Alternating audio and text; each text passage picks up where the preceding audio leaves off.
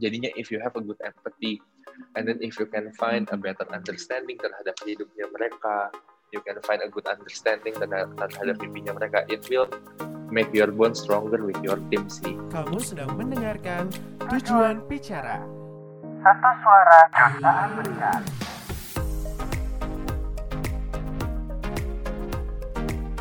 Ya udah kita mulai ya teman-teman. Ci teman-teman. Ci teman-teman.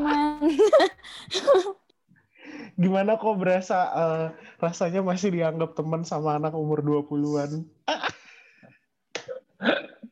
gue antara tersanjung sama antara terhina sih, tapi lebih banyak tersanjungnya, tenang aja. Oke. Okay.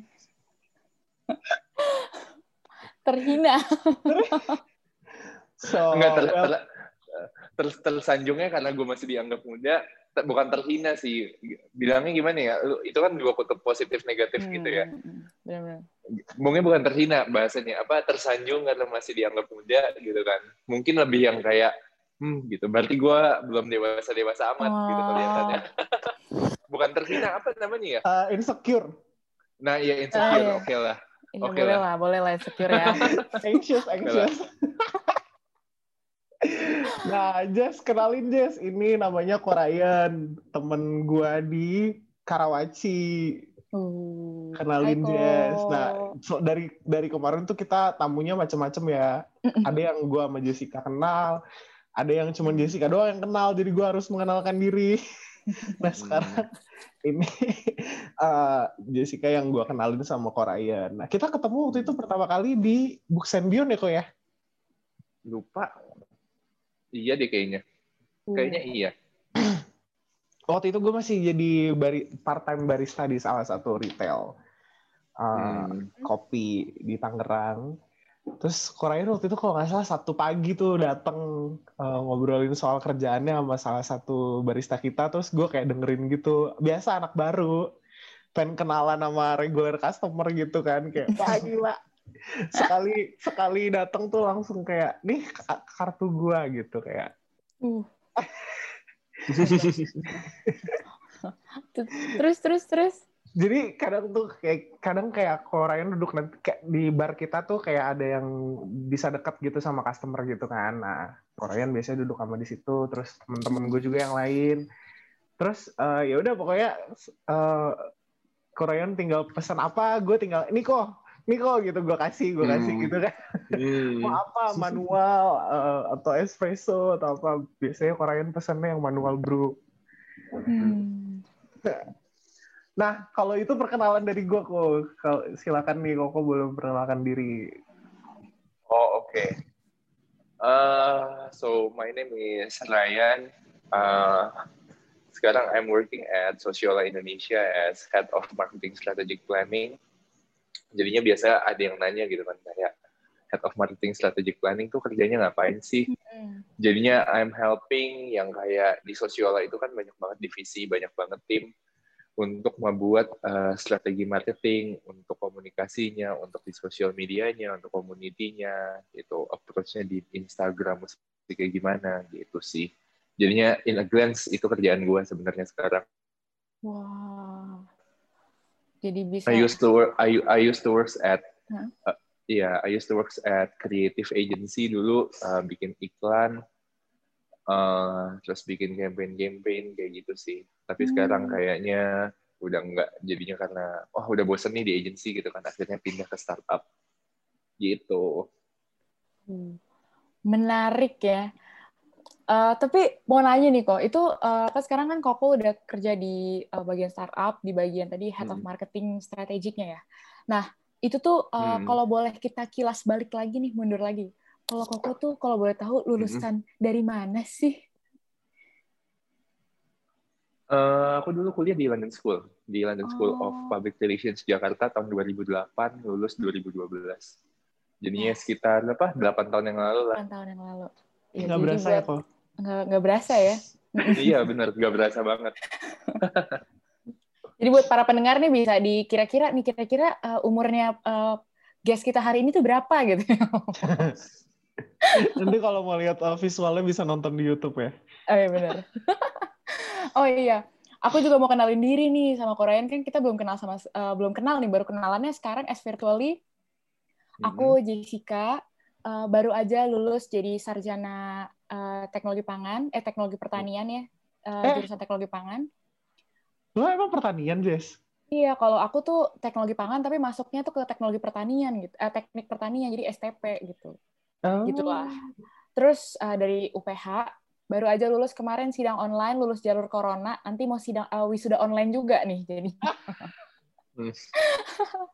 Iya, senang banget ya hari ini. Wah, tadi uh, apa namanya briefnya keren banget kok. Perkenalannya benar-benar kayak kita, wah ngerasa, hmm, mantep banget ini hari ini guest kita. gue pengen taunya sih sebenarnya gini kok eh, apa namanya kan lo udah lulus dari LSPR you say 8 tahun yang lalu terus Hmm. eh, abis itu Yep. pendidikan formal lo setelah itu ada lagi nggak sih apa pas langsung dari kuliah S1 terus Hmm. udah selesai gitu langsung masuk agensi Hmm, jadinya uh, agak lucu sih waktu itu. Jadinya gue tuh lulus kuliah, tapi even sebelum lulus kuliah aja gue udah magang di satu local agency lah di Jakarta gitu. Nah karena kayaknya waktu itu tanggung, jadinya akhirnya gue ngelanjutin aja dari magang, terus jadi part time, terus tiba-tiba sebelum gue lulus di offer full time. Jadinya gue tuh udah kerja even sebelum gue udah lulus kuliah sebenarnya. Hmm.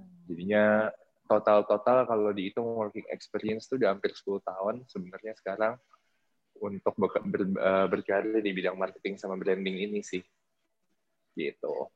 Luar biasa. Jadinya ya be- be- benar-benar lulus S1.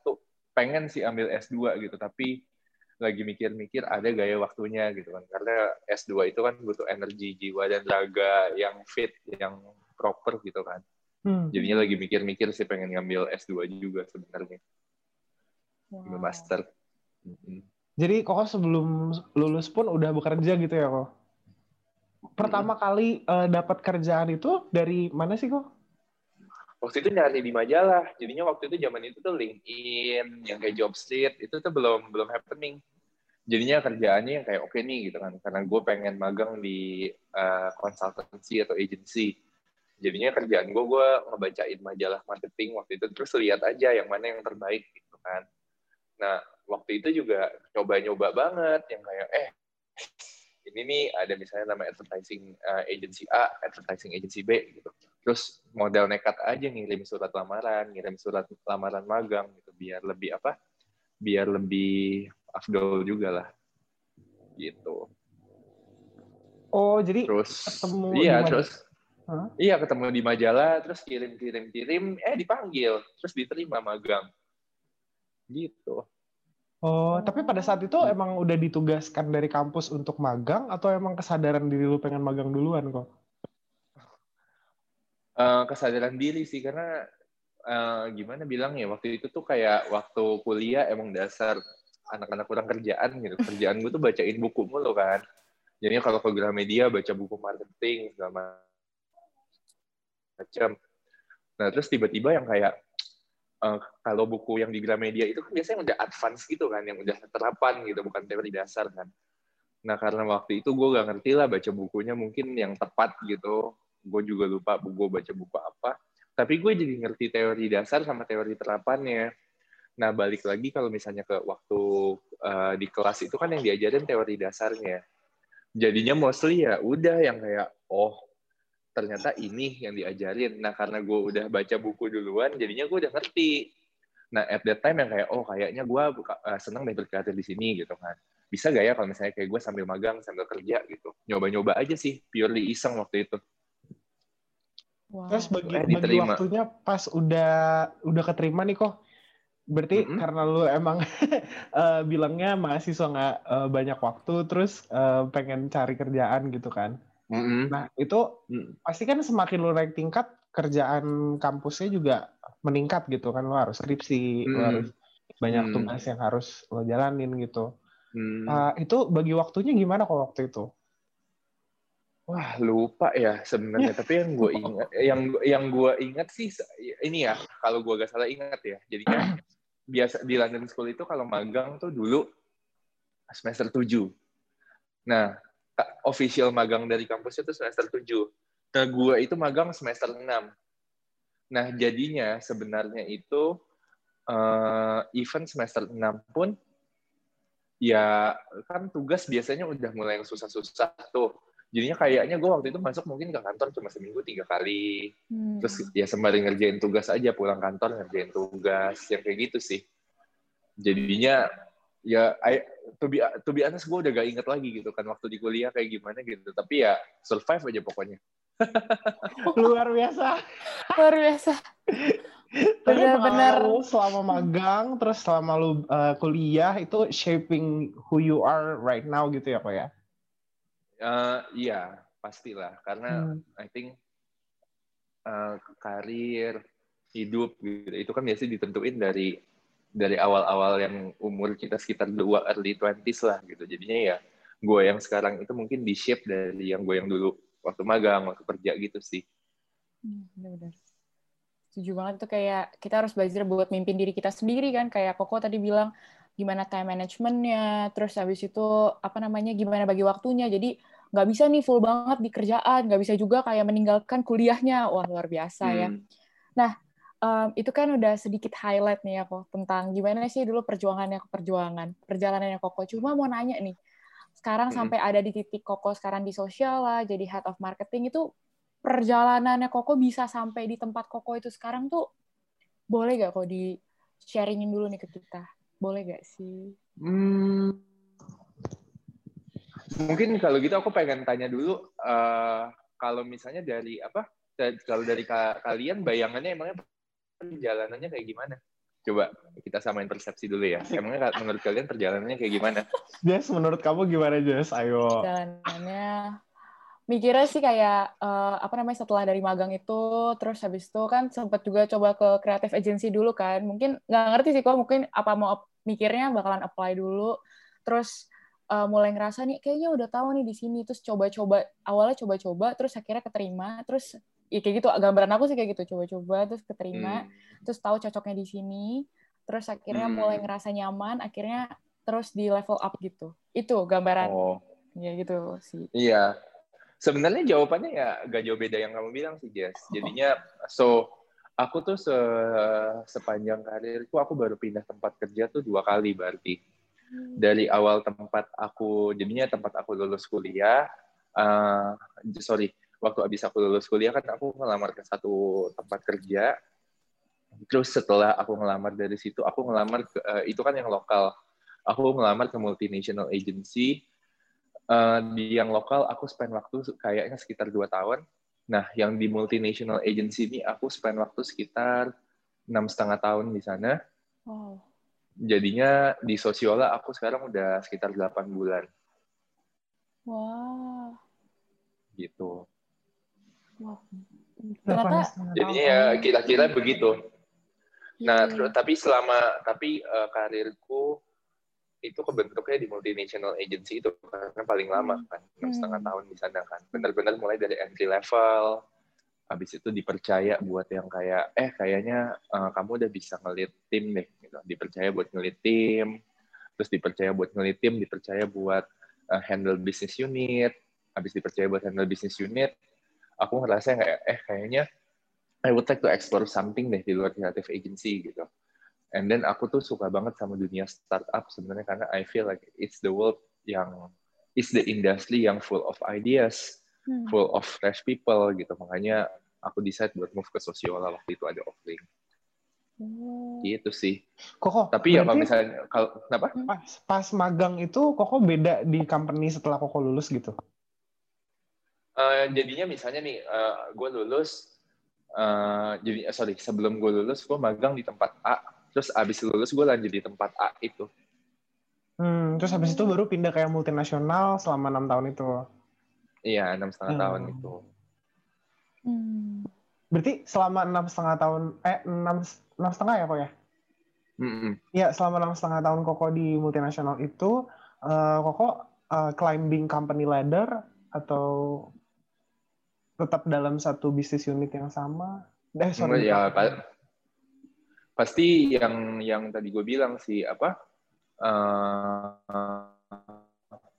ya bukan cuma climb company ladder ya gitu kan I think kalau company ladder is not the right terms menurutku karena it seems like uh, you are ambitious segala macam gitu kan. Tapi kalau Hmm. mungkin kalau gue case-nya agak beda karena uh, waktu yang di multinational company agency yang selama enam setengah tahun itu kebetulan uh, misalnya nih kayak gue join and uh, join terus bos gue percaya sama gue gitu abis itu ya she give me uh, bigger trust lah bigger responsibility.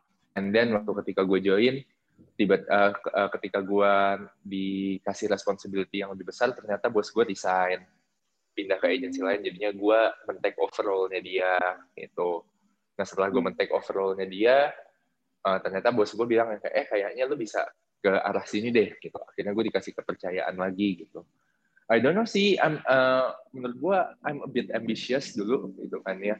Kebetulan aja uh, uh, environment gue di company yang lama yang sebelum di Sosiola ini it's one of the bukan one of the ya bilangnya gimana ya, di, di environmentnya juga oke lah gitu. Di mana my CEO waktu itu juga kayak kasih kesempatan buat orang internalnya untuk berkembang gitu. Mm-mm. explore dikasih koneksi buat bukan cuma uh, headquarters kita yang di Singapura gitu tapi gue dikasih koneksi buat yang event di New York gitu. Jadinya ya karena tempatnya tepat gue juga bisa berkembang dengan baik gitu sih. Wah, keren banget kata-katanya. gue Karena seneng banget deh dengernya. Kayaknya lu dipercaya banget gitu sama company yang lama. Bener-bener. ya puji Tuhan sih thanks God Iya. So, Di kalimat ini sih, karena tempat yang tepat, jadinya eh, apa namanya, Koko bisa berkembang dan tapi selama Koko dikasih tanggung jawab itu, dikasih kepercayaan itu, Koko nggak kayak jadi oh gue udah dipercaya nih ya udah jadi lebih ya udah nih mereka udah percaya sama gue tapi Koko tetap terus ambisiusnya itu tuh jadi ke arah positif yang terus membawa Koko sampai ke titik ini gitu ya jadi ambisius dalam arah positif itu bisa membawa kita jadi lebih baik wah ini Yep. perjalanan yang menarik luar biasa sekali Iya. Mungkin orang mikir yang kayak kata-kata ambisius tuh yang kayak wah gila orangnya ambisius nih gitu kan ya, Hmm. nyikut sana nyikut sini gitu kan ya. I think uh, I don't know ya gitu kan but for me personally ambisi orang ambisius itu adalah orang yang dia tahu passionnya apa, dia tahu purpose-nya apa and then ya kalau misalnya kayak sikut kiri sikut kanan itu ya itu tergantung balik lagi ke orangnya gitu kan. Hmm. Tapi buat aku gitu kan, I don't know sih gitu kan. But hopefully people yang kerja sama aku gitu kan, gak ngerasain hal itu aja gitu kan. Karena I think uh, in working environment aku tuh cukup keras sebenarnya gitu kan, cukup keras kepala gitu. And then cukup yang kayak yang kayak gimana bilang ya, I'm a bit tenacious lah gitu kan in everything that I do. Semoga ya kadang-kadang orang ngerasa yang kayak orang begitu ya kayak wah gila ini orang gila ya gitu kan. Hopefully my friends gak ada yang ngerasa gitu sih ke aku. bener bener bener bener tapi kan maksudnya eh, apa ya ya memang dunia pekerjaan seperti itu guys sih kok kayak kalau misalkan kita mau level up dulu gitu ya nah Yep, cuma betul. tadi Koko udah kasih highlight nih kan eh, sikut kiri sikut kanan gitu kan terus apalagi Mhm. Koko tuh dikasih kepercayaan untuk bisa memimpin ini untuk jadi di posisi ini Mhm. naik terus naik terus gitu mau nanya sih kok eh, ah ya, apa ya tantangan yang Koko hadapi ketika Koko bisa misalkan kayak ternyata Koko satu tim nih tapi Koko yang harus Koko ternyata dikasih kepercayaan yang lebih tinggi dibandingin teman-teman Koko yang dulu sempat satu eh, divisi misalkan itu Hmm. tantangan Koko memimpin orang lain untuk bisa bekerja sama tuh apa sih kok yang Koko alami selama kurang lebih berapa ya? 10 tahun ya? Eh enggak deh, 8 setengah tahun Iya. lah hitungannya ya. Hmm. Hmm, nice questions. Mungkin pertama ya, gitu kan. First of all, we need to embrace the fact bahwa eh, yang namanya jadi leader, gitu, yang namanya jadi bos itu, it's not a final destinations. Jadinya itu kayak kayak ketika kamu dikasih eh gitu kan, you need to start this gitu kan. Itu sebenarnya kamu baru mulai. It's not the final destinations.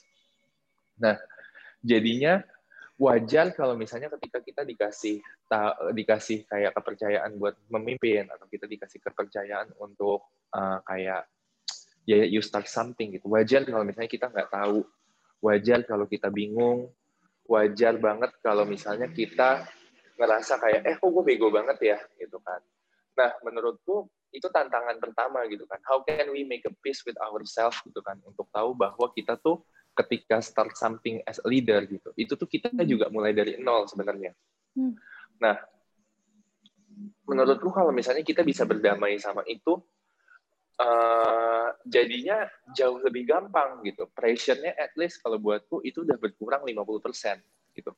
Karena di mindset kita, kita udah langsung tahu yang kayak, hey gitu kan, I will make a mistake gitu kan. I will make people upset, I will make people bete gitu kan. Maybe I don't know gitu kan because of my decisions gitu. So we need to make a peace with that dulu gitu kan. Karena I think uh, salah satu pelajaran yang aku ambil adalah waktu itu ketika ada satu project yang ketika aku disuruh kayak jadi leader, terus tiba-tiba yang kayak aku ngerasa pressure-nya gede banget nih gitu kan. Terus jadinya jadi nyebelin gitu kan karena the pressure is so high on me gitu kan. I become kayak misalnya contohnya kayak micromanage, kemudian jadi nyebelin gitu, jadi jadi kayak nge-push orang dengan cara yang nggak menyenangkan mungkin I don't know gitu sehingga tim membernya juga nge- ngerasa irritated with my attitude waktu itu. Nah, tapi dari situ aku belajar sih gitu. Oh, ternyata yang namanya jadi bos gitu atau jadi leader, you don't have to be perfect at the first attempt gitu. Nah, ketika kita bisa make a peace with that kan jadinya kayak ketika nanti ke depannya kita yang kayak oh uh, it's okay gitu, I will make mistake itu jauh lebih mudah sih gitu kan. Itu yang tantangan yang pertama gitu kan. We need to make a peace with ourselves dulu. Nah, sama kedua yang tantangan yang menurut aku juga susah banget itu adalah how can we give a, a good examples. Karena I think becoming a leader atau becoming a boss itu bukan cuma nyuruh doang atau menginstruksikan, but you need to give an, a real time examples. You need to give a real actions gitu kan ke your team. Nah, kadang-kadang Hmm. uh, ya kita suka yang kayak anjir nih gitu kan. Kita juga gak tahu kita mesti kasih action apa. Kita juga gak tahu mesti mesti ngomongnya gimana gitu. Nah itu sih sebenarnya. Uh, jadinya jad, jangan cuma uh, menurutku kalau mau uh, mau ngeliat itu jangan cuma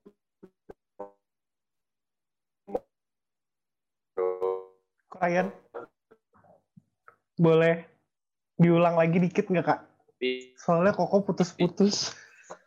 tantangan yang pertama how you lead your Ryan? oh oke okay. ntar uh, gua ini apa Tadi Halo? terakhir Masih putus-putus. di poin kedua kok yang kalau jadi leader itu nggak cuma nyuruh tapi harus jadi example. Yes. oh oke sip ini kok kameranya gelap Kok matiin Hmm. kamera? Nah, oh oke sip nggak gua habis ganti internet oh oke sip Next. Kau boleh kok. boleh diulang lagi nggak kok? Poin kedua adalah Yes.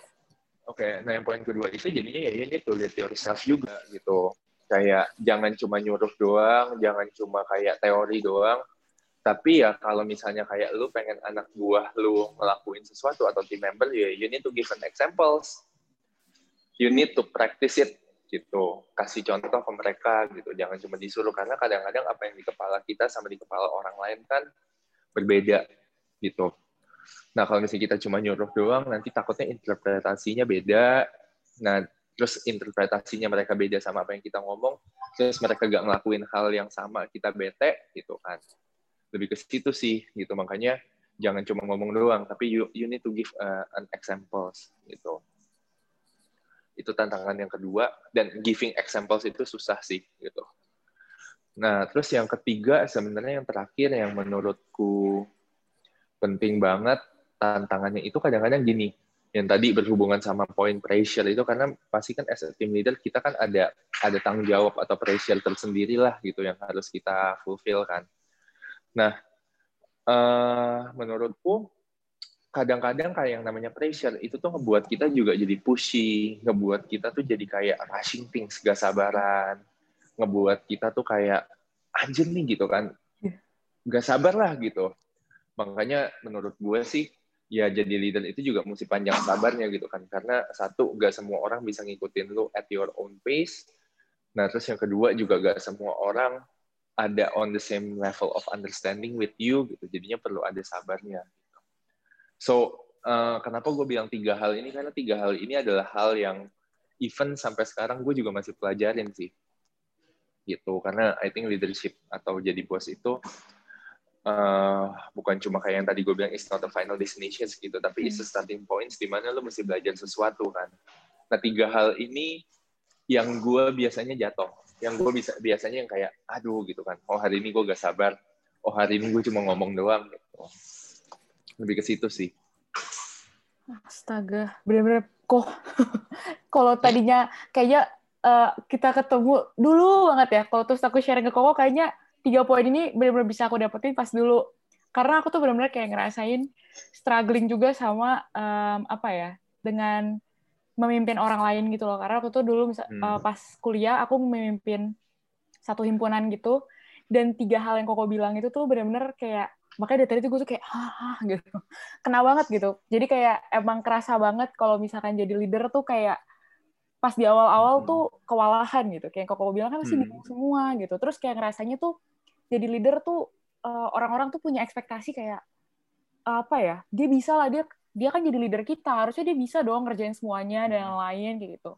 Jadinya ke pressure juga buat jadi perfect buat pertama kalinya. Hmm. tapi yang tadi Koko bilang kita nggak bisa nggak harus jadi perfect untuk pertama kali itu kena banget sih di aku. Karena setelah dari situ aku belajar pas jadi ada uh, tanggung jawab tanggung jawab lainnya lagi untuk jadi leader akhirnya belajar gitu dari hal yang pertama itu. Bener banget sih menarik tiga hal Kalau yang gue tadi ya justru uh, paling paling ngerti gitu, paling ngerasa oke nya tuh kayak dari first dari kata-kata yang kayak first attempt don't need to be perfect gitu. Itu sih yang kayak kayak if only I knew it before we met today gitu kayak. Seandainya gue tahu duluan gitu kan. So iya iya gak sih?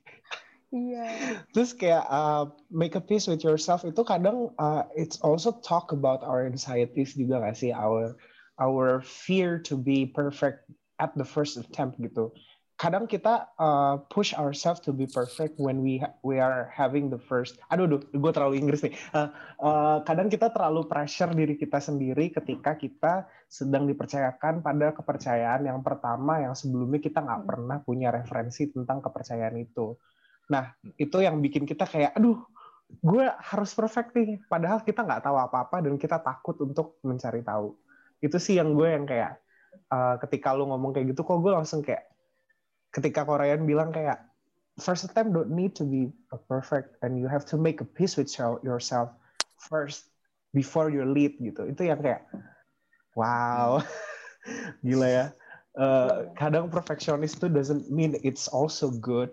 Yes, you have to Yep. be prepared gitu kan. Lo harus bisa, uh, lo harus si uh, melakukan persiapan yang tepat. Tapi when you are over prepared is also not good gitu ya kok. Yep, betul. wah menarik Mungkin, mungkin gini kali. Hmm. Ini ini ini eh, sebenarnya ada sectionnya kan yang kayak tips untuk apa? Tips untuk jadi leader segala macam gitu. Mm-mm. Mungkin gue mau kasih bocoran satu. Menurut gue leadership atau atau ya being a boss, being a good leader gitu kan. Itu tuh banyak banget bukunya. Jadinya kayak lu di Gramet lu bisa ketemu eh, topik leadership tuh 10 buku, 20 buku gitu kan tapi trust me gitu kan ya lu baca 20 buku itu itu itu tuh cuma nempel di kepala when it comes to the real situations gitu itu adalah saatnya di mana lu mempraktekannya dan biasanya teorinya pasti lupa Hmm, bener-bener. gitu. Nah makanya eh, ya kalau misalnya kayak yang tadi gue bilang gitu penting banget buat kita tahu bahwa we we will still make mistakes gitu kan. People will still hate us gitu kan no matter how good we are practicing the theory gitu kan. So if you are making peace with that situations atau with that fact ya you will be good sih. That's the first thing sih menurut gue to become a leader. Karena you cannot make everyone happy yes you cannot make ya you cannot make everyone happy gitu bener ah, benar Nice, keren banget kok. sekali.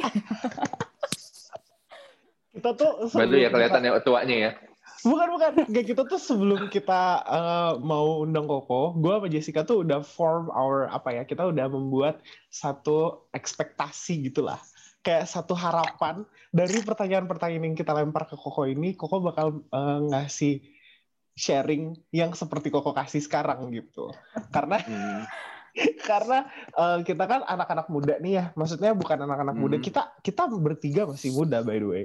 Cuman uh, gue yang paling menurut- muda Iya benar. Cuma menurut gue, we will never uh, ever too late to learn gitu kan. Kita nggak akan pernah terlambat untuk belajar dan when you are wherever you are gitu di mana pun keadaan lo di, dan umur lo di, di, di berapapun umur lo kita akan selalu dihadapi dengan salah satu situasi di mana kita ditempatkan menjadi seorang pemimpin di mana pun hmm. age group kita gitu loh. Lo di kuliah kayak Jessica tadi bilang dia jadi uh, pimpinan uh, himpunan mahasiswa.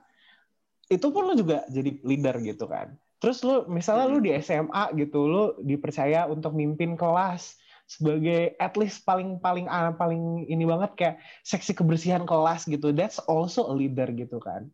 Leader can uh, can mean so many things gitu. Uh, dan yang paling penting tadi itu yang uh, bukan paling penting sih kayak ada poin yang poin kedua yang lo mention uh, ke kita tadi itu adalah lead yourself first before you lead others gitu kan So before you lead others, I think yang gue dapetin dari uh, poin yang tadi dulu sharing adalah we have to also recognize who is ourselves. Kayak kita tuh sebenarnya siapa sih? And what kind of message that we want to bring to other people uh, when we are a leader gitu kan.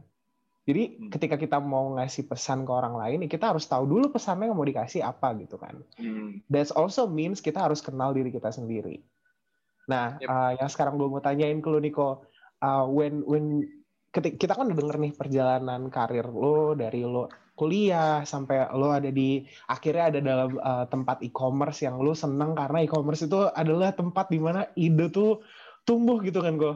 Nah, hmm. untuk ada dalam satu environment yang uh, semua orang punya idenya masing-masing, bisa dikatakan lo uh, dalam satu komunitas yang uh, orang-orangnya ideologis gitu. Dan kadang kita sebagai leader harus narik temen tim kita untuk kayak eh ke realita yuk gitu. Kita punyanya segini ide ide lu segini coba dicocokin. Hmm. nah pengalaman koko untuk kayak mengubah pemikiran orang-orang yang ada di sekitar koko untuk kayak bisa uh, on the same vision with you itu uh, gimana sih? Hmm. gitu. Untuk bekerja bareng-bareng sama orang-orang hmm. yang ada hmm. dalam tim Koko gitu. Hmm. Oke, okay. ini ini is is a nice questions, tapi mungkin gue mau coba ngasih perspektif uh, perspektif yang agak beda gitu ya. I don't know nih gitu kan, karena I said yang tadi gitu kan, gue juga masih belajar gitu, tapi uh, kayaknya menurut gue kata-kata mengubah orang lain gitu kan, if you're a leader gitu, menurut gue itu salah satu leader trap sih gitu kan karena menurut gue when you are becoming a leader gitu kan lu tuh nggak harus mengubah orang lain gitu uh, kalian fans ini nggak kalian suka nonton Marvel gak yes Marvel iya kan gitu so, cinematic universe uh, Iya MCU gitu kan. Hmm. So Krismo, lu lu pasti tahu deh gitu kan. Uh, who is my favorite character in MCU? Tahu gak lu siapa? Captain America. Yep, nih tuh. I'm a big fans of Captain Amerika lihat tuh. All of my accessories itu Captain America. Sebentar ya. Even even my background phone gitu, itu Captain oh, America wow. gitu. eh, so, tapi lu demennya uh, uh, Captain America MCU atau komik? Yang MCU. MCU, oke, okay, nice. Oke. Okay. Gitu. Lanjut ke poin Gini, ya, kenapa gue bilang gak, lu gak harus mengubah gitu kan ya? I think the reason why I really like Captain America karena satu yang pasti bukan karena gantengnya gitu kan, tapi karena dia jago berantem gitu kan ya. Pertama gitu kan, I'm a big fans of martial arts gitu, jadi gue suka banget kalau ngeliat orang berantem tuh tonjok-tonjokan gitu. Tapi uh, di film, bukan di real life ya. nah, uh, tapi yang poin kedua yang gue suka banget dari Captain America adalah kalau misalnya dilihat dari superhero superhero yang lain gitu kan ya, lu lihat ada Hulk, ada Thor dewa petir coba bayangin. Ada juga apa si Iron Man gitu kan. He is so smart gitu kan. Kayaknya juga tajir banget gitu. And then you see Captain Marvel gitu kan. Superhero yang ada di tim Avengers itu mostly itu jauh lebih kuat daripada dia gitu ya. Hmm.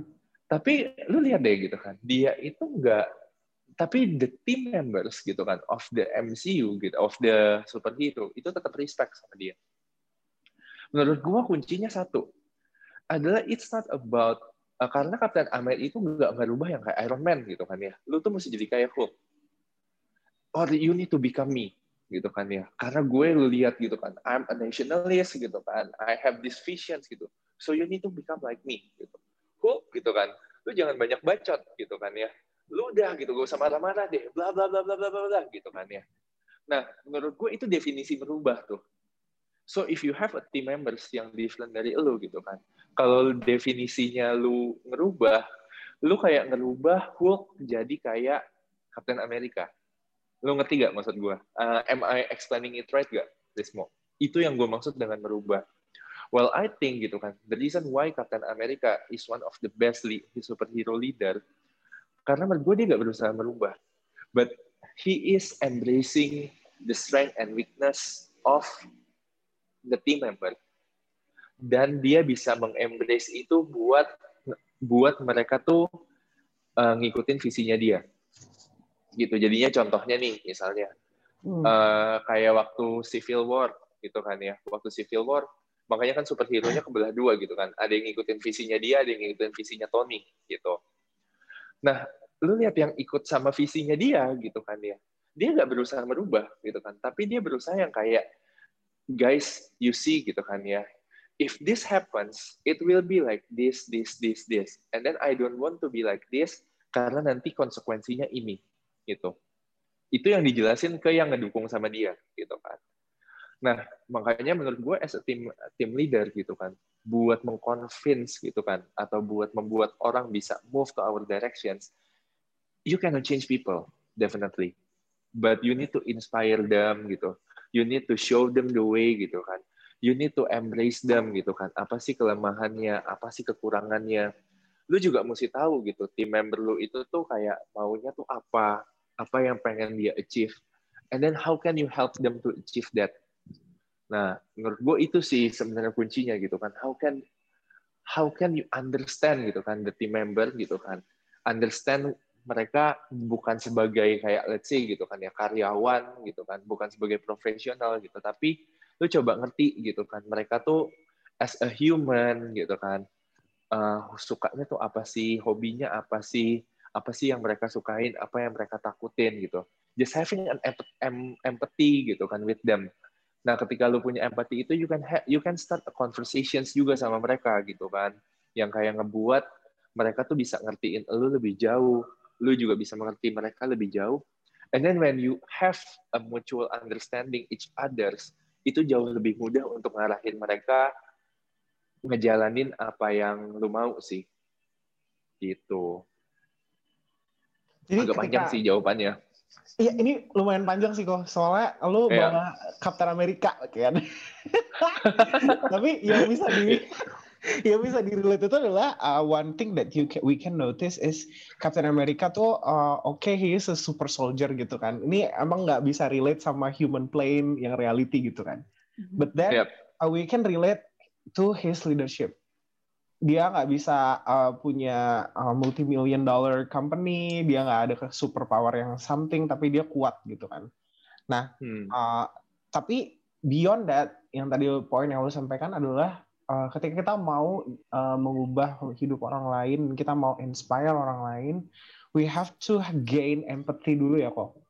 Hmm. Ya kan? Yep. Dulu bilang gitu ya. Lo harus uh, kita harus gain empathy. Terus uh, second of all, lo kita harus uh, ngerti, have mutual understanding gitu. Lo ngerti dia, dia ngerti lo. Ketika kita yep. udah saling ngerti, baru uh, you as a leader bisa kasih arahan yang sesuai dengan yang udah lu ngerti dari orang itu. Gitu gak sih? Yep, betul. Yep, betul. Wow. Tapi uh, kok empatinya itu berarti yang benar-benar empati ya, bukan empati bohong-bohong gitu ya. iya, betul. Harus tulus gitu kalau benar-benar kayak karena memang kita mau sama-sama berkembang di proses buat level up. Nah, cuma mau nanya nih kok, kan katanya di proses pasti have mutual understand itu kan pasti ada proses ya. Maksudnya gimana sih kita bisa samain persepsi kita biar kita bisa jalanin gitu. Terus hmm. misalkan ternyata uh, dari um, ada nih misalkan selisih paham lah atau jadinya kayak uh, pas kita jadi leader terus orang orang-orang yang kerja bareng sama kita itu nggak nggak nggak bisa terima cara kerja kita atau uh, jadinya ngekritik kita dan lain itu gimana sih uh, sikap yang sikap kita atau koko yang sikap yang koko alamin yang sebenarnya harusnya tuh gimana gitu kita lakukan pas kita terima kritik dan saran. Karena kan kalau misalkan jadi leader kalau aku ya personally kayak kadang dulu tuh pas awal-awal ngerasa kayak gue leader nih. Oh iya gue udah bener gitu. Maksudnya gue jadi leader tuh gue yang bener gitu. Kalau gue dikritik ya ya harusnya lu ngertiin gue lah kayak gitu. Tapi kan di sini kan kita punya Hmm. persepsi baru yaitu have mutual understand gitu. Gimana sih kok sikap Hmm. yang bener Eh, oke. Menurutku gini sih, apa pertama gitu kan, ya makanya tadi penting banget kalau misalnya we can make a peace bahwa we are not perfect at the first place gitu kan. Jadinya kalau kita ngelakuin kesalahan, pasti ego kita tuh jauh lebih turun. Menurut gue ya, gitu kan. Jadinya ketika kita tahu bahwa as a leader kita nggak selamanya benar, Hmm. Uh, dan ketika jadinya ada ada tim member kita yang kasih tahu bahwa kayaknya gitu kan uh, cara lu begini deh gitu kayaknya better lebih efektif misalnya Hmm. caranya B atau C gitu kan so kalau kita udah tahu bahwa kita gak selamanya benar gitu kan I think it will be much easier for us to listen gitu Hmm, oke.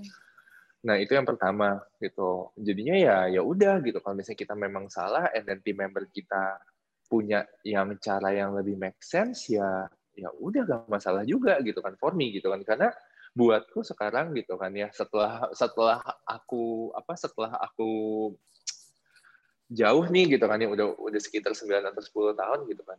Gua bukan eh, gini, ada orang yang bilang eh, proses and result gitu. To be honest gitu kan gue orang yang lebih pentingin proses daripada resultnya gitu nah tapi uh, in, tapi kalau misalnya in uh, when it becomes to interacting with others gitu kadang-kadang kita nggak nggak bisa ngerti prosesnya nih gitu. Karena Hmm. setiap orang kan punya caranya beda-beda. Hmm. and then kalau misalnya caranya dia lebih baik daripada caranya kita ya embrace it gitu. Yang penting kan uh, resultnya tercapai apa yang gue pengen. Gitu. Jadinya ya for me ya udah gitu Hmm. kan. Just listen gitu kan. Uh, if it makes sense and then if you think it can improve it ya if if it can improve something in your team and in your work ya udah adapt aja gitu. Kalau misalnya gak make sense gitu itulah tugasnya kita yang kayak karena I think mau gak mau suka gak suka leader itu kan pasti dipercaya karena kita lebih senior atau lebih berpengalaman gitu.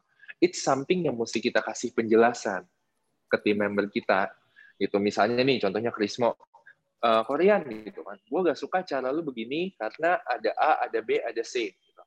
nah menurut gue gitu kan yang lebih berpengalaman oke Krismo gitu kan ya. The reason kenapa gue bilang A B dan C karena ini. So if you are doing this nanti resultnya begini. So mau sorry banget gitu kan. Tapi A sama B C gak make sense buat gue nah kalau Krismo dikasih tahu begitu ya harusnya dia lebih ngerti lah gitu kan. Karena I try bukannya ngejudge idenya dia jelek gitu kan atau caranya dia jelek. Tapi gua punya pertimbangan lain dan sudut pandang lain dari caranya dia yang menurut gua gak masuk nih gitu kan buat achieve uh, the objective. Hmm. gitu. Jadinya menurut gua ya that and that's what I apply in all my team member as well gitu. Kalau misalnya cara lu lebih make sense daripada cara gua go for it gitu kan ya. Tapi kalau gak make sense ya I will tell you why, why it doesn't make sense gitu. Jadinya nggak ada personal problems antara gua sama dia gitu. Hmm. itu sih. Kok, kok mau nanya nih, ada nggak sih study case gitu, study case atau nggak kayak pengalaman pribadi lu dalam uh, your own team gitu, uh, untuk ngubah dari yang tadinya tim lu arahnya ke sini, tapi lu mau arah ke sini, terus kayak, ayo guys ke arah arah gua gitu. untuk ke Dari arah yang benar sebenarnya itu itu bukannya study sih itu setiap hari Oh, Oke. itu iya it's not a special case gitu karena Oke. karena yang gue bilang gini tim member gue kan pasti kan punya arahan sendiri sendiri lah cara Hmm. mereka masing-masing kayak gitu kan tapi ya udah gitu kan karena gue punya sudut pandang lain gitu kan so what I'm trying to do adalah I'm not changing them gitu kan yang tadi gue bilang gitu tapi gue coba mengerti mereka maunya apa dan mereka juga mesti ngerti gue maunya apa dari mana gue background gue ngomong ini jadinya kadang kita ketemu di tengah Hmm. gitu Hmm. Yes, yes. Berarti lu bikin proses untuk, eh, maksudnya proses lu untuk kayak sampai dalam satu kesimpulan tuh lumayan lama ya? Ya nggak sih? Karena kalian Hmm. harus bener-bener demokrasi di tengah gitu. Di iya, Bu- eh, lama lama lama cepat mah relatif lah ya gitu kan. Kalau Hmm. misalnya kayak if you are if you are thinking bahwa 30 minutes discussion itu lama gitu, menurut gue itu bentar. Oh yes, itu Karena yang banget.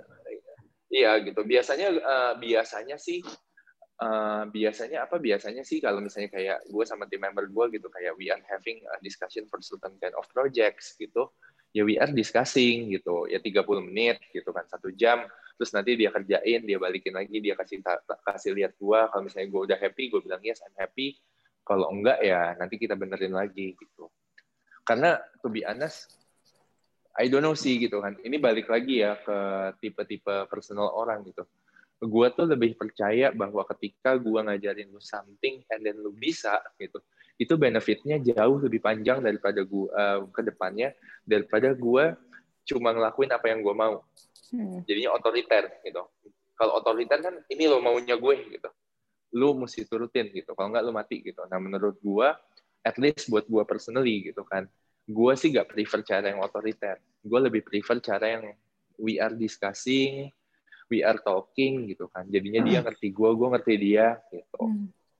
Gitu sih. Nice kok, thank you. Eh, Mau nanya nih kok, kan kita dari tadi ngomonginnya perspektifnya you are as a leader and we are as a padawan gitu kan to learn as a leader gitu. nah sekarang gue mau nanya nih kok uh, pernah uh, pernah nggak sih kayak uh, Koko ada di balik uh, skenario nya gitu, Koko yang dipimpin orang. Hmm, Kayak- Pernah lah. Uh-uh. Maksudnya uh, pernah nggak lo ngadepin pemimpin yang seperti lo bahkan lebih parah gitu? Hmm, Maksudnya seperti gue bahkan lebih parah. maksudnya uh, lo kan uh, you have the ideal uh, the idea of uh, what kind of leadership that you do gitu kan Mm-mm. nah uh, terus mungkin pernah nggak sih di masa lalu nih lo ketemu dengan leader yang mirip dengan your your style of leadership gitu Oh pernah. Pernah. respon Pernah, lo pernah. gimana waktu itu ngadepin leader kayak dia Eh, menurut gue justru gue jadi sekarang karena gue nyontoh dia. ah, gitu karena gini apa so waktu itu gue yang kayak gue senang banget ketemu dia so dia tuh salah satu orang yang yang kalau gue ada di sini sekarang ya salah satunya karena dia lah gitu. Ya dia tuh nggak pernah marah. Dia tuh nggak pernah yang kayak maksa kita buat melakukan idenya dia gitu kan. Hmm. ya dia cuma cuma kasih pengertian aja gitu kan. Kalau misalnya lu begini nanti lu begini. Lu yakin mau ngelakuin gitu. Kalau misalnya menurut gue sih gak worth it. Dia selalu bilang gitu. Menurut gue harusnya lu arahnya begini. Lu jangan lu jangan ngelakuin yang ini. Boleh gak lu ngelakuinnya yang ini? Yang kayak gitu sih lebih ke situ sebenarnya. Jadinya gue ngerasa at least kalau di gue gue tuh senang digituin Hmm. makanya karena tadi karena tadi yang yang eh, balik lagi ke poin waktu kita bilang you need to lead yourself first you need to understand gitu kan.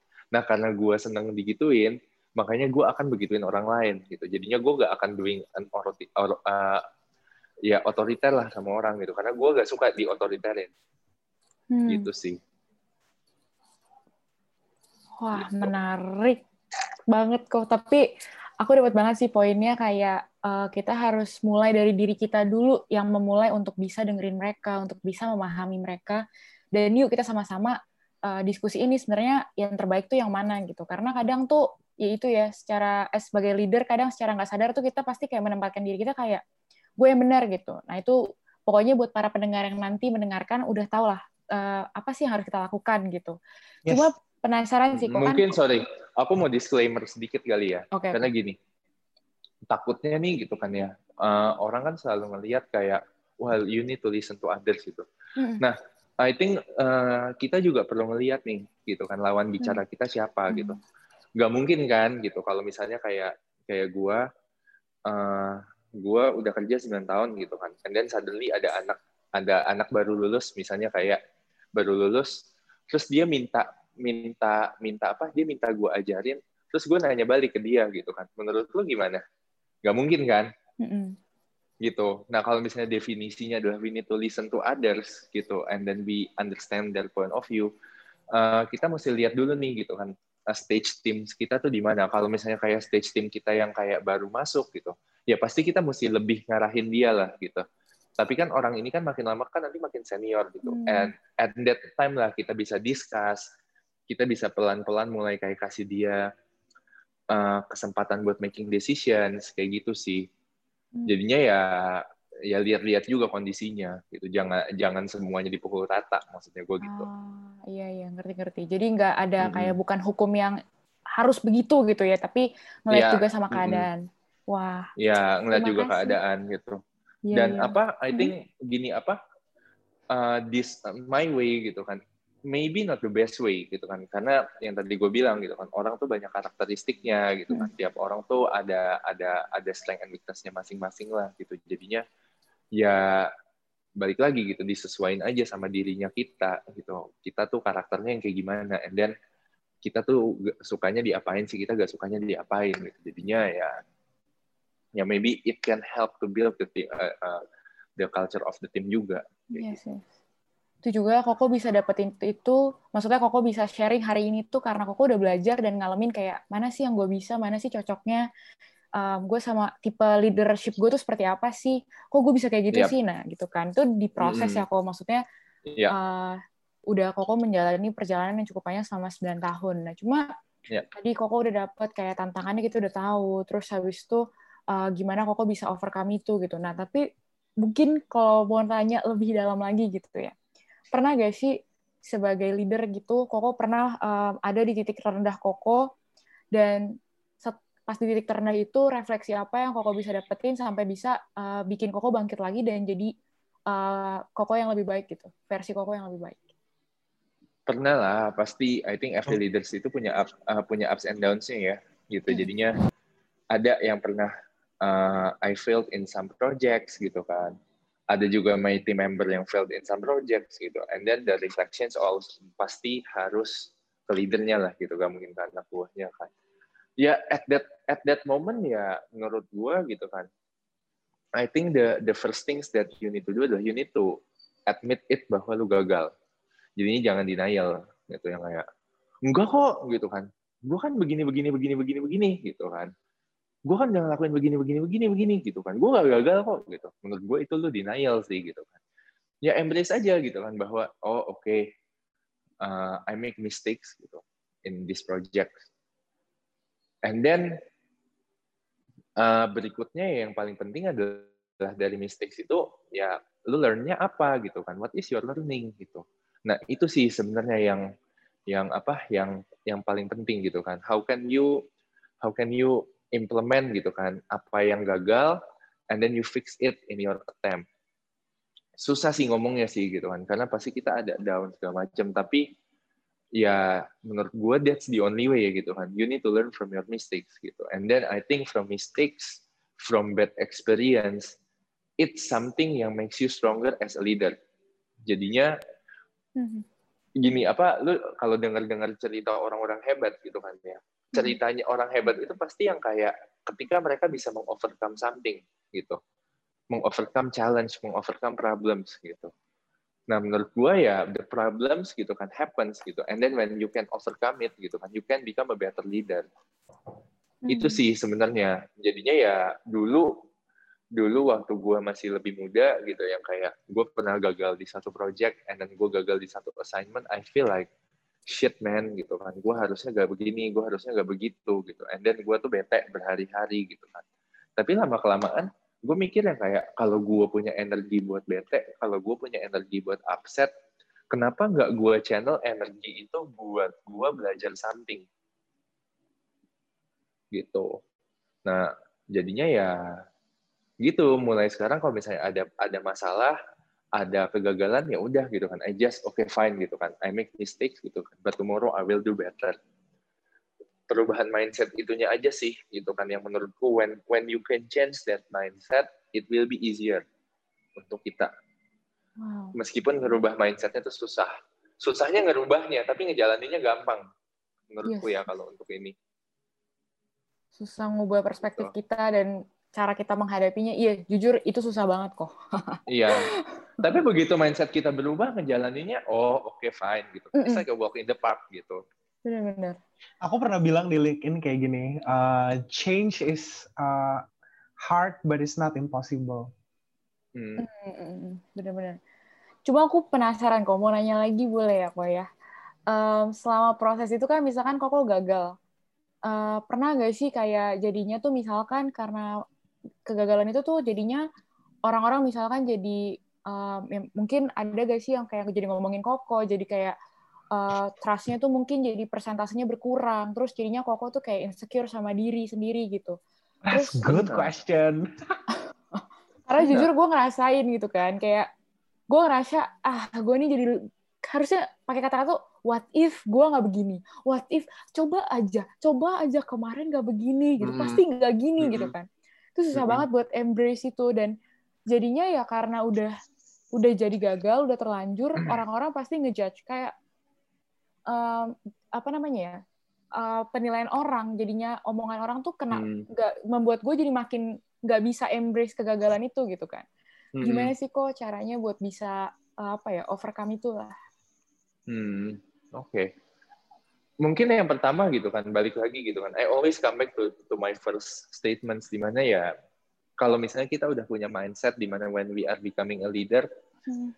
uh, bukan berarti kita anti salah, anti kegagalan gitu. But when you understand bahwa when you are a leader gitu kan, and then you can still create a mistakes, menurut gua uh, itu akan jauh lebih membantu gitu kan in uh, in the uh, in the coping process. Nah terus yang kedua menurut gua uh, the, uh, just feel the emotions gitu kan. Karena all the emotions is valid gitu kan. Ketika lu hari ini yang kayak lu bete gitu hari ini lu kayak kayak apa kayak uh, kesel banget gitu. Which is what I do gitu kan every day gitu kan. Kayak misalnya gue lagi kesel ya ya udah gitu kan ya. I'm just admit bahwa gue kesel. Yang kayak kayak kalau misalnya ditanya lu nih kenapa sih? Ya nih gue lagi kesel gini gini gini gini gini gini gitu. Ya gue sih gak masalah gitu kan yang hmm. jadi masalahnya sebenarnya dari kesel itu cara kita mengkomunikasikan keselnya itu gimana? Kan orang kan bilang kan negativity itu kan spreading gitu. Nah makanya kalau misalnya kita kita oh, at least di gue dulu merasa kayak anjir nih gitu kan ya.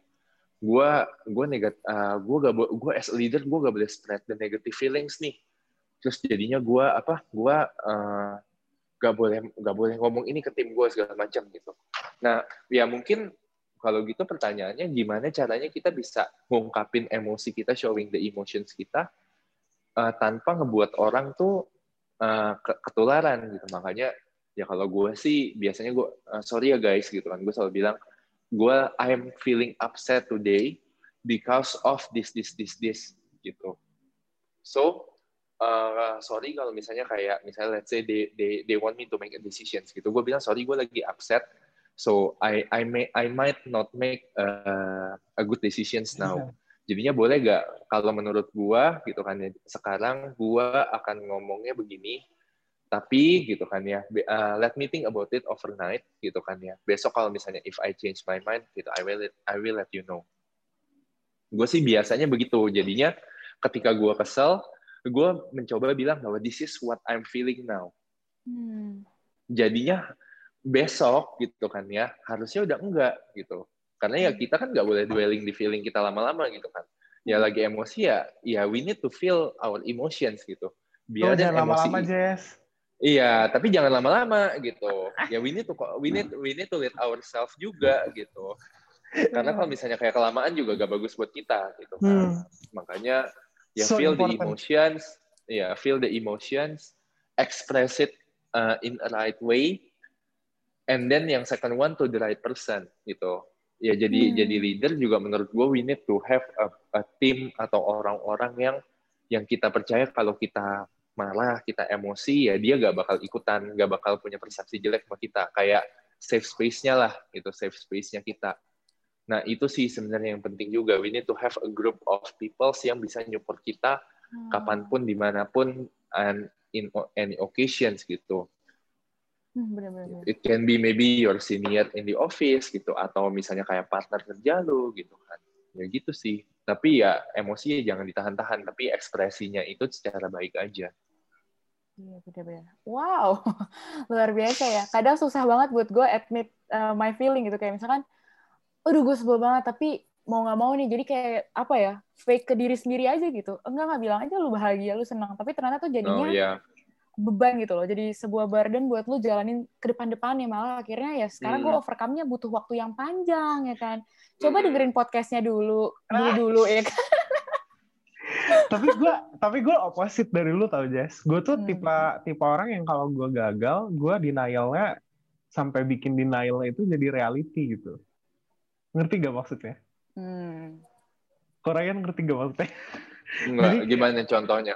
Kayak gini loh kayak misalnya waktu itu gimana ya gue waktu itu pernah gagal dalam uh, uh, mimpin presentasi di kelas Mm-mm. Jadi harusnya uh, hari ini itu deadline untuk selesai besok dikumpulin, tapi tim gue nggak nggak mencapai deadline-nya gitu kan.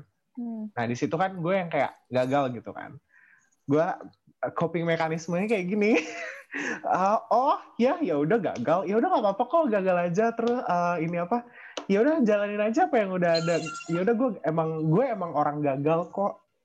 Jadi gue kayak nge-brand diri gue tuh kayak lu udah gagal ya udah lu jangan jangan maksudnya ya udah lu nikmatin kegagalan lu memang lu orang gagal kok gitu. Jadi gue ngejudge diri gue sendiri sampai bener-bener gue udah nggak ada rasa sama sekali baru gue bisa netral gitu loh kayak baru bisa ini lagi mimpin lagi gitu jadi sebenarnya gue tuh tipe orang yang gue sebenarnya nggak nggak pede untuk mimpin dalam uh, set of kayak departemen gitu ya. Uh, tapi di saat yang sama gue juga kayak have so much insecurities gitu waktu kuliah nih. Waktu kuliah kayak gila gue nggak bisa deh jadi pemimpin gitu kan. But then ketika gue uh, belajar dalam gereja dalam uh, teman-teman di sekitar gue gitu being a leader that that it's not mean that you have to be uh, lu harus mimpin dalam satu uh, a set of organization gitu lu harus mulai dari diri lu sendiri juga untuk Yeah. memimpin hari-hari lu gitu Benar. more basic dari itu adalah lu harus mimpin perasaan lu sendiri gimana lo mau ngejudge diri lo sendiri, gimana lo mau uh, ketika lo lagi sedih, keputusan apa yang akan lo ambil untuk coping with that. Karena orang kalau lagi sedih, uh, kadang malah coping mekanismenya jadi larinya kayak nggak benar gitu kan. And I've been there, I've done it, and it's not a good decision that I did gitu back then. So, uh, thank you banget kok Ryan. Sessionnya hari ini I learn so much. Jessica juga learn so much kayaknya ya Jess ya.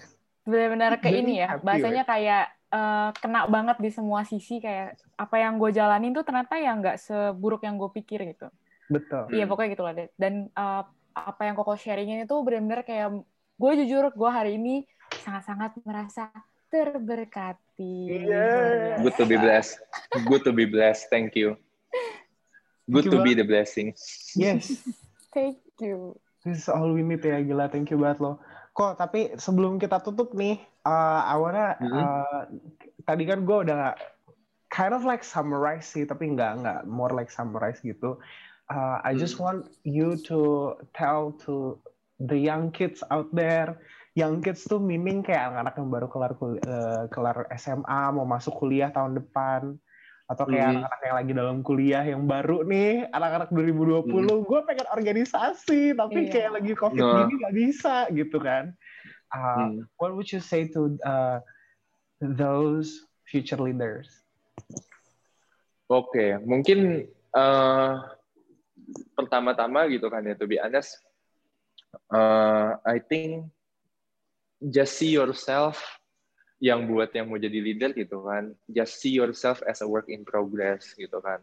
Karena if you are accepting the fact bahwa you will make a mistake gitu kan, you will upset people gitu, you will make a bad decisions gitu.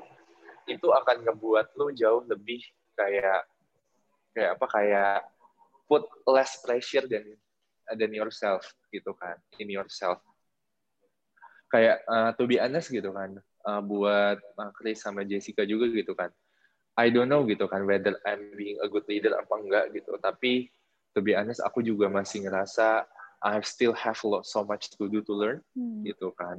Gue juga masih banyak banget bolongnya gue juga masih banyak banget hal-hal yang kayak gue ngerasa as a leader mesti perbaikin. And that's okay gitu kan to say bahwa as a leader you are not perfect gitu. Yes.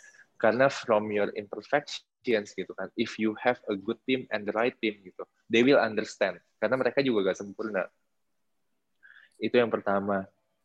Terus yang kedua mungkin ya eh, buat yang kayak pengen jadi leader gitu kan. Hal-hal yang menurut gue juga kita jangan kalah pentingnya adalah eh, leader itu kan kita selalu mikirin kayak eh you need to give output you need to give this you need to do this you need to give examples kayak gini gitu. We are talking about the outcome nih gitu kan. Tapi jangan lupa gitu a good outcome itu tuh juga datang dari good input. Gitu. Jadinya we can lead well gitu. Kalau misalnya kita punya input yang baik gitu.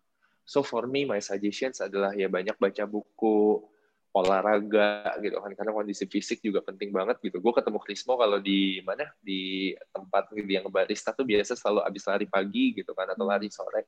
Karena I keeping myself fit abis itu juga banyak baca buku banyak olahraga gitu kan. Banyak ketemu orang gitu. Jangan jangan lupa yang kayak lu belajar dari peers lu gitu kan find a good mentor gitu kan. Jadinya if your input is good gitu your output and the outcome will be great. Percaya sama gue gitu kan. Jadinya nggak nggak lu nggak bisa menginspirasi orang gitu kan. Karena leader kan salah satu tugasnya adalah to inspire people. Kalau lu sendiri nggak inspired by something gitu. so you need to find that input juga gitu itu yang kedua sama yang tadi gitu kan. Dari tadi uh, sama Jessica juga bilang lead yourself first gitu. Kalau misalnya kita pengen orang lain ngikutin kita ya udah gitu kan. Be the examples for yourself dulu gitu. Itu yang penting. Terus sama yang keempat having an empathy sih gitu kan. Understand bahwa you are talking to your team member. Bukannya ngomong ke tembok bukannya ngomong ke bangku bukannya ngomong ke meja gitu. You are talking to human. Jadinya if you have a good empathy and then if you can find a better understanding terhadap hidupnya mereka you can find a good understanding terhadap, terhadap mimpinya mereka it will make your bond stronger with your team sih gitu. Jadinya I think ya being a leader ya is seru-seru seru-seru susah gitu. Karena it's not only about ourselves tapi itu juga untuk orang lain tapi ya gitu sih gitu so I think kalau buat yang leader-leader pengen misalnya tiba-tiba disuruh jadi ketua kelas gitu atau disuruh jadi ketua badan mahasiswa gitu ya menurutku empat prinsip itu penting sih untuk leader yang pertama mula-mula gitu Wah, luar biasa. gitu Thank you banget kok Raya. Gila, gue gak salah banget sih ngefans sama lu. Iya. Oops, oke Gue mulai ngefans sekarang. Baru ya. Gila. Gue waktu kita kan inget gak tau sih. Pokoknya gue kalau oh, beberapa kali suka apa ya konsultasi gitu sama Korean. So thank you so much buat uh, your Yeah. insight dan akhirnya kita ada kesempatan untuk kayak ngerti gak sih kok kayak sharing our our insight gitu untuk teman-teman Hmm. yang dan bisa diakses ke semua orang. Yes. So once again thank you banget udah mau hadir di tujuan bicara nyempetin waktu untuk uh, ke coffee shop. ya good to be a blessing lah gitu. Apa maksudnya kayak I learn bahwa maybe my mess gitu kan ya my mess yang gue lakuin gitu it, jadinya gak usah jadi messnya kalian lah gitu. Jadinya at least ketika kalian dengar dari gue kan oh ternyata harus begini begini begini so it can lessen your burden lah gitu kalau misalnya nanti jadi leader gitu atau jadi tim Hmm, tim tim leader kayak gitu benar. Wah, luar biasa. Oh, gitu gue berharap banget nih buat nanti eh jatuh mic gue. gue berharap banget nih buat yang dengar nanti uh, you can take something uh, out of our conversation today. Aduh, duh, uh, kalian bisa bawa pulang apa yang bisa uh, dari Kita pembicaraan sharingin kita. hari ini. ya so, uh, saat ini dan uh, I just want to say uh, learning itu nggak cuman uh, da- dari kita teman-teman learning itu bisa dari uh, banyak journey yang kita bisa lakuin. Dan I hope that we we can help you along the way to become a leader in wherever you are in whatever situation you are. So Gua dan Jessica pamit undur diri bersama dengan Korean. Thank you. Thank you. See you di dalam episode tujuan bicara berikutnya. Yay. Bye. Bye bye.